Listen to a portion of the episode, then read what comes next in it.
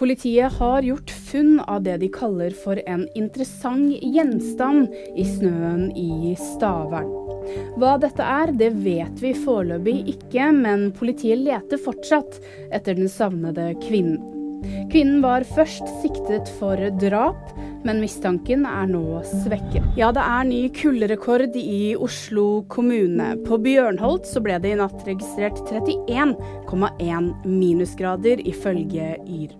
Temperaturrekorden for selve Oslo by den står fortsatt ved lag. Den er på 26 minusgrader og ble målt i januar 1942. USAs høyesterett skal nå avgjøre om Trump kan stille til valg i Colorado. Høyesterett i delstaten slo i desember fast at de mener at Trump deltok i opprør i forbindelse med stormingen av Kongressen, og at han derfor ikke kan stille til valg. Vil du vite mer?